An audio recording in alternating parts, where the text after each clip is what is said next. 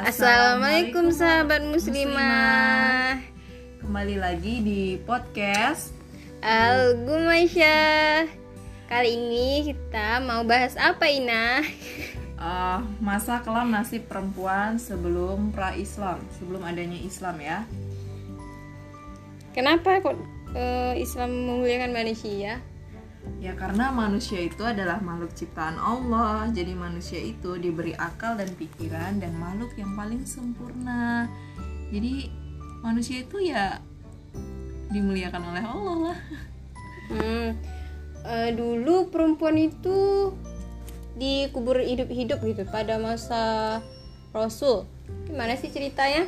Ini ada cerita pada masa ya. Rasul. Perempuan itu dianggap pada masa sebelum Rasul ya, pada masa sebelum Rasul perempuan itu dianggap hina atau aib. Karena e, dianggap saat ia dewasa nanti itu tidak akan mendatangkan keuntungan atau hanya e, sebuah sebagai musibah gitu ya? Iya musibah aja gitu, karena dia hanya diperuntukkan bagi budak atau perempuan itu hanya sebagai istri. istri dipakai untuk kepuasan tersendiri sama laki-laki. Ya seperti yeah, itu kan? kira-kira. Hmm, tapi sejak datangnya Islam sejak datangnya Rasul perempuan itu dimuliakan oleh ya Rasul membawa Islam uh, ya rahmatan lil alamin. Ternyata perempuan itu dimuliakan oleh Allah gitu ya. Nah di situlah kita uh, baru tahu ya perempuan itu dimuliakan bukan ternyata, membawa dosa ya? Iya ternyata selama ini tuh kadang ya zaman sekarang tuh anak-anak muda atau anak-anak perempuan tuh menganggap bahwa berkerudung itu adalah sebuah kekangan bagi perempuan gitu. Padahal kerudung itu adalah suatu kemuliaan dari Allah gitu kan kita berkerudung itu kan untuk menutup aurat kan Kak Ros iya betul jadi kalau udah menutup aurat otomatis para pemuda pun akan uh, Me, apa ya menghargai iya ya kan? menghargai kan? lebih, memuliakan menjaga ya iya, kan lebih malu karena kan uh, adabnya aja udah otomatis perilaku kita saat kita berkerudung itu kita akan mengikuti uh, sikap kita juga akan lebih sopan karena kita malu kan maksudnya masa berkerudung jingkrak-jingkrak nggak mungkin yeah. kan ya sembari ya kan memperbaiki diri iya karena semua itu nggak ada yang instan juga gitu. mm -mm. ya itu ya e, datangnya rahmat ya iya kadang banyak yang menganggap bahwa perempuan itu dikekang padahal membawa Islam. membawa rahmat ya. Padahal Islam Tapi, itu menyelamatkan perempuan ya kan? Hmm, dari kezoliman kezoliman atau sadar nggak sih kalau kita buka aurat tuh kita rasanya dilihat oleh semua laki-laki bahkan yang bukan mahram gitu. Itu sama aja kita kayak uh, apa namanya ya permen kalau udah dibuka itu bakalan terlihat gitu kan oleh semut-semut. Begitu juga kita gitu jadi jadi dalam Islam uh, semua manusia itu yang lahir itu suci ya kan? Benar, bukan Pak. membawa dosa membawa aib membawa malapetaka tapi membawa rahmat gitu ya. Ya. Jadi salah satu uh, tujuan Islam itu yang dibawa Rasul untuk menegakkan rahmatan lil alamin. Apa yang rahmatan lil alamin? Ya rahmatan lil alamin itu uh, yang mendapatkan rahmat atau kasih sayang gitu ya. Bukan hanya orang etnis suku golongan nasab atau agama tapi seluruh alam. Dari manusia hewan tumbuhan sampai uh, ekosistem gitu ya makhluk-makhluk hidup itu semuanya merasakan e, rahmat dan kasih sayang setelah datangnya Islam. Jadi e, Islam itu apa ya memuliakan manusia. Gitu. Jadi Kak Ros tahu nggak sih kalau e, dulu tuh kaum jahiliyah tuh menyebut perempuan sebagai pembelaannya hanya tangis, pengabdiannya hanya pemikiran pikiran gitu. Jadi kita tuh waktu zaman jahiliyah tuh perempuan di di gimana ya perempuan tuh hanya hanya dianggap apa gitu. Uh, dianggap lemah dianggap rendah. Jadi mereka tuh hanya menangis. Yang dapat membela dia tuh hanya menangis gitu tapi setelah itu dia disiksa lagi. Pengabdiannya hanya pemikiran gitu. Jadi dia mengabdi pemikirannya tuh mengabdi tapi jiwa dia itu nggak tenang gitu sama itu. Jadi mereka tuh di ditekan lah istilahnya. Difitnah bahkan di apa ya dizolimi dizinai gitu. Semenjak masuknya Islam Nabi Muhammad Shallallahu Alaihi Wasallam tuh menyelamatkan kaum perempuan dan kaum kaum miskin gitu. Iya. terutama kita di Islam tuh nggak ada kasta ya nggak ada kamu harus kaya gitu ya. kamu harus kaya baru kamu dihormati itu nggak ada di Islam ya kan? Uh, tapi uh, mau miskin mau kaya tetap iya, tetap uh, bisa untuk masuk surga gitu. Sedangkan Bilal aja dia seorang budak diselamatkan oleh Rasulullah uh, sampai dia akhirnya menjadi salah satu penghuni surga masya Allah ya masya Allah jadi uh, tentu kita sebagai muslim ya uh, percaya bahwa Islam itu diturunkan untuk uh, menegakkan rahmatan lil alamin. Masya Allah. Masya Allah. Jadi perlu ya untuk uh, mengubah mindset kita ini gitu. Yang dulunya jahiliyah gitu ya menjadi Islam gitu. Iya, mem membahagia mengembangkan kebahagiaan-kebahagiaan perempuan itu dengan cara menaati perintah-perintah Allah gitu kan.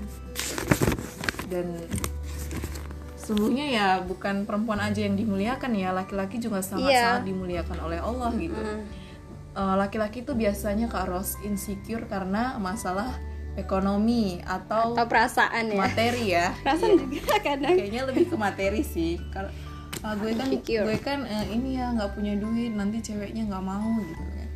Padahal Allah itu udah ngasih rezeki kita udah ngasih rezeki porsinya masing-masing gitu. Mm -mm. jadi kalau kamu pun kerja sampai mati-matian hari ini tapi Allah ngasihnya cuma 70% otomatis dapatnya cuma 70% tapi kalau ya kita serahkan semua rezeki itu sama Allah gitu. Tapi kalau perempuan soleha itu nggak akan ngelihat dari rezeki ya kak Ros ya maksudnya dari materi. Uh, rezeki semuanya rezeki semua pasti dikasih ya, ya. Uh, uh. sama Allah maaf. dari materi. Perempuan yang soleh dia tidak akan melihat seorang laki-laki itu dari materi tapi dari ilmunya gitu. Kita mau yang terbaik jadi kita harus jadi baik juga. Masya Allah. Oh. jadi hmm, Islam itu sangat memuliakan uh, manusia ya bukan hanya perempuan tapi laki-laki juga iya bener banget kak Ros apalagi kak Ros uh, waktu zaman jahiliyah tersebut uh, Nabi tuh pernah merisalahkan bahwa sampai saat Islam datang, aku telah menebus 300 bayi perempuan yang dikuburkan hidup-hidup. Masya Allah. Artinya waktu zaman Nabi itu uh, sebelum Nabi itu uh, apa namanya perempuan itu langsung lahir dibunuh gitu, lahir di dikubur hidup-hidup. Mereka sangat tega gitu ya kan? Ya karena mereka juga mindsetnya uh, jahiliyah dia iya. kan belum apa ya ya belum datangnya Islam lah untuk mengubah uh, pemikiran mereka bahwa perempuan itu sebagai aib untuk mereka gitu tapi setelah datangnya Islam ya itu dimuliakan sekali gitu apalagi yang ceritanya hmm, perempuan yang diganggu oleh kaum Quraisy yang sampai tersingkap uh, itu jilbabnya gitu dan Bamisnya memanggil ya? uh, memanggil mutasim billah dan uh.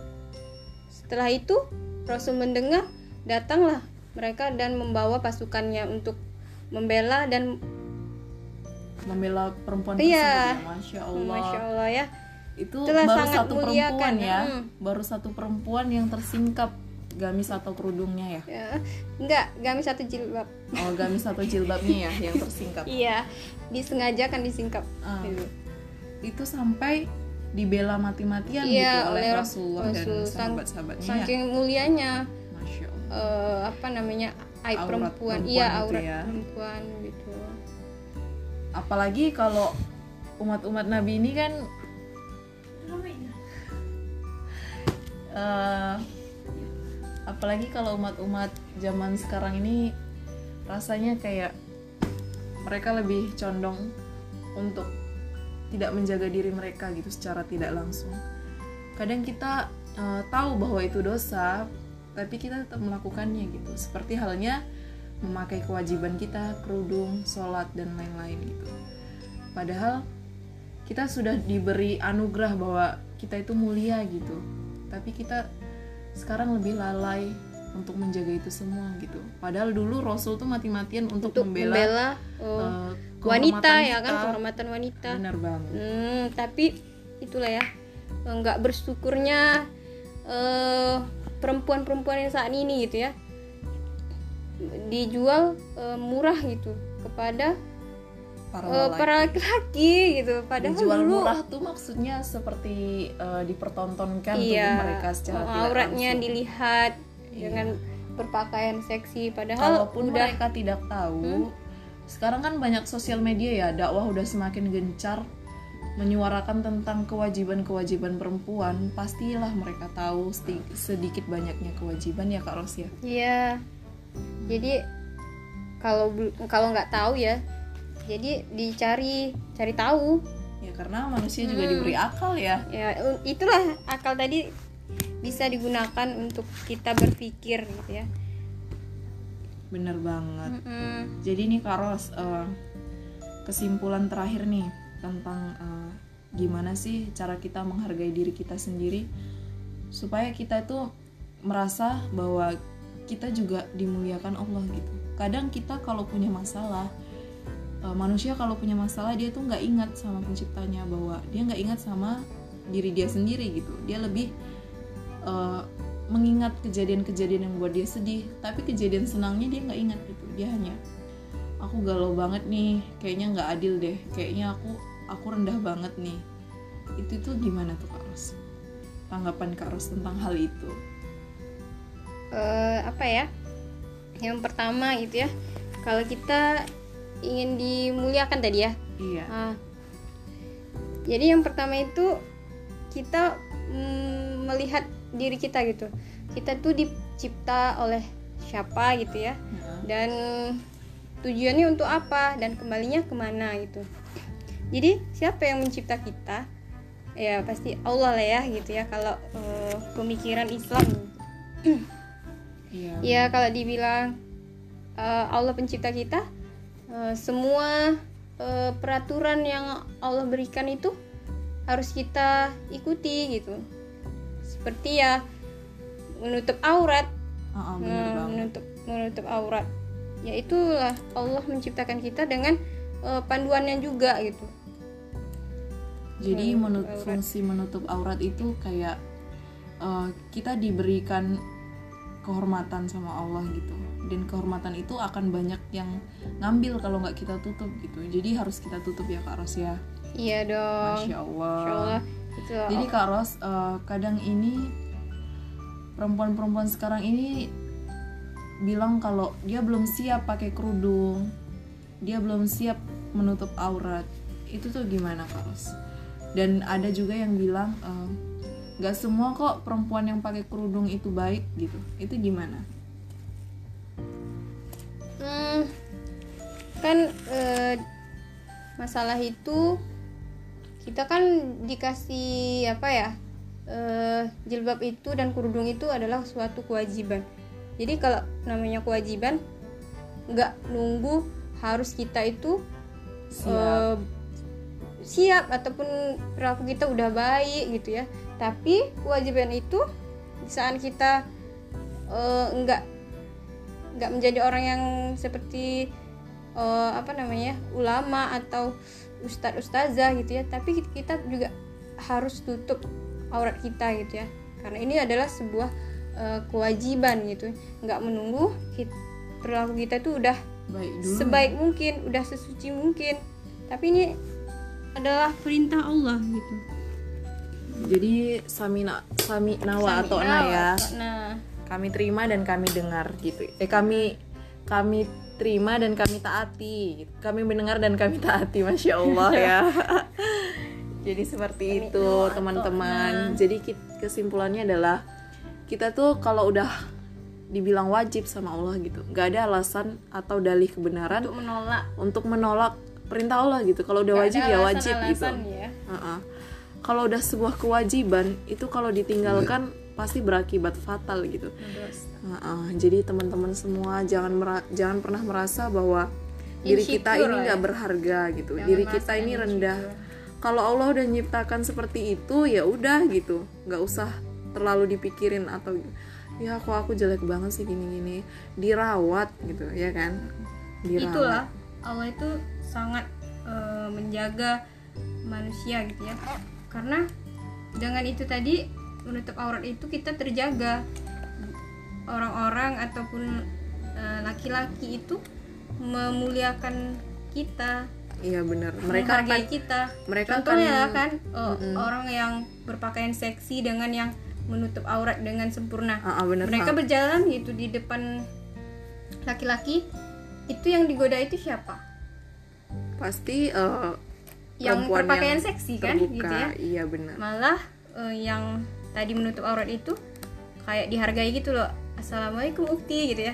Walaupun nggak kita jawab, tapi mereka kayak memuliakan kita gitu mereka beda kan dengan yang berpakaian seksi tadi kayak sweet sweet sweet gitu uh, ya. sweet sweet itu kan gak ada maknanya kan tapi kalau assalamualaikum ya.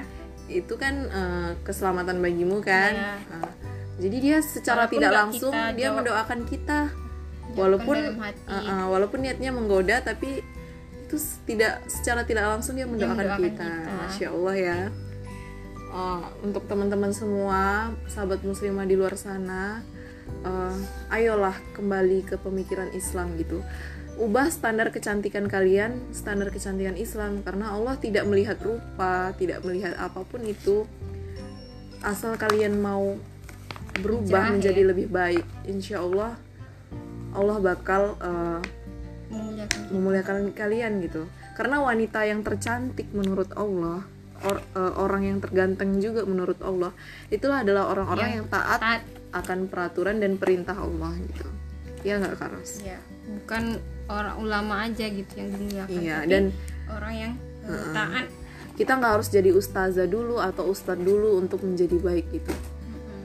Manusia memang fitrahnya hanya untuk ibadah gitu. Jadi ya uh, kita harus jadi orang baik sebisa mungkin. Insya Allah. Amin. Berusaha ya, berusaha. Sahabat-sahabat muslimah semuanya gitu ya dan kita gitu tetap di jalan Allah. di jalan Allah jadi uh, pada masa Fir'aun juga banyak apa namanya bayi laki-laki yang mau dibunuh gitu ya karena uh, menganggap bahwa nanti mereka akan menggantikan Fir'aun gitu tapi karena kekuasaan Allah tadi uh, mau gimana pun Fir'aun membunuh bayi laki-laki itu tetap tetap aja ada gitu. gantinya gitu ada ya? gan ada yang mengalahkan seorang Firaun yang menganggap dirinya Tuhan gitu. Bagaimana bisa seorang Tuhan dikalahkan oleh manusia atau rakyat biasa? Itu kan mustahil. hal yang mustahil. gitu kan. Pada saat Nabi Musa ya.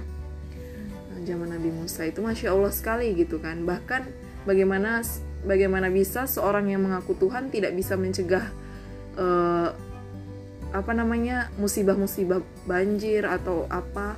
Waktu zaman Fir'aun tuh ya ada banjir ya kalau nggak salah tuh. Ya. nah, masya Allah.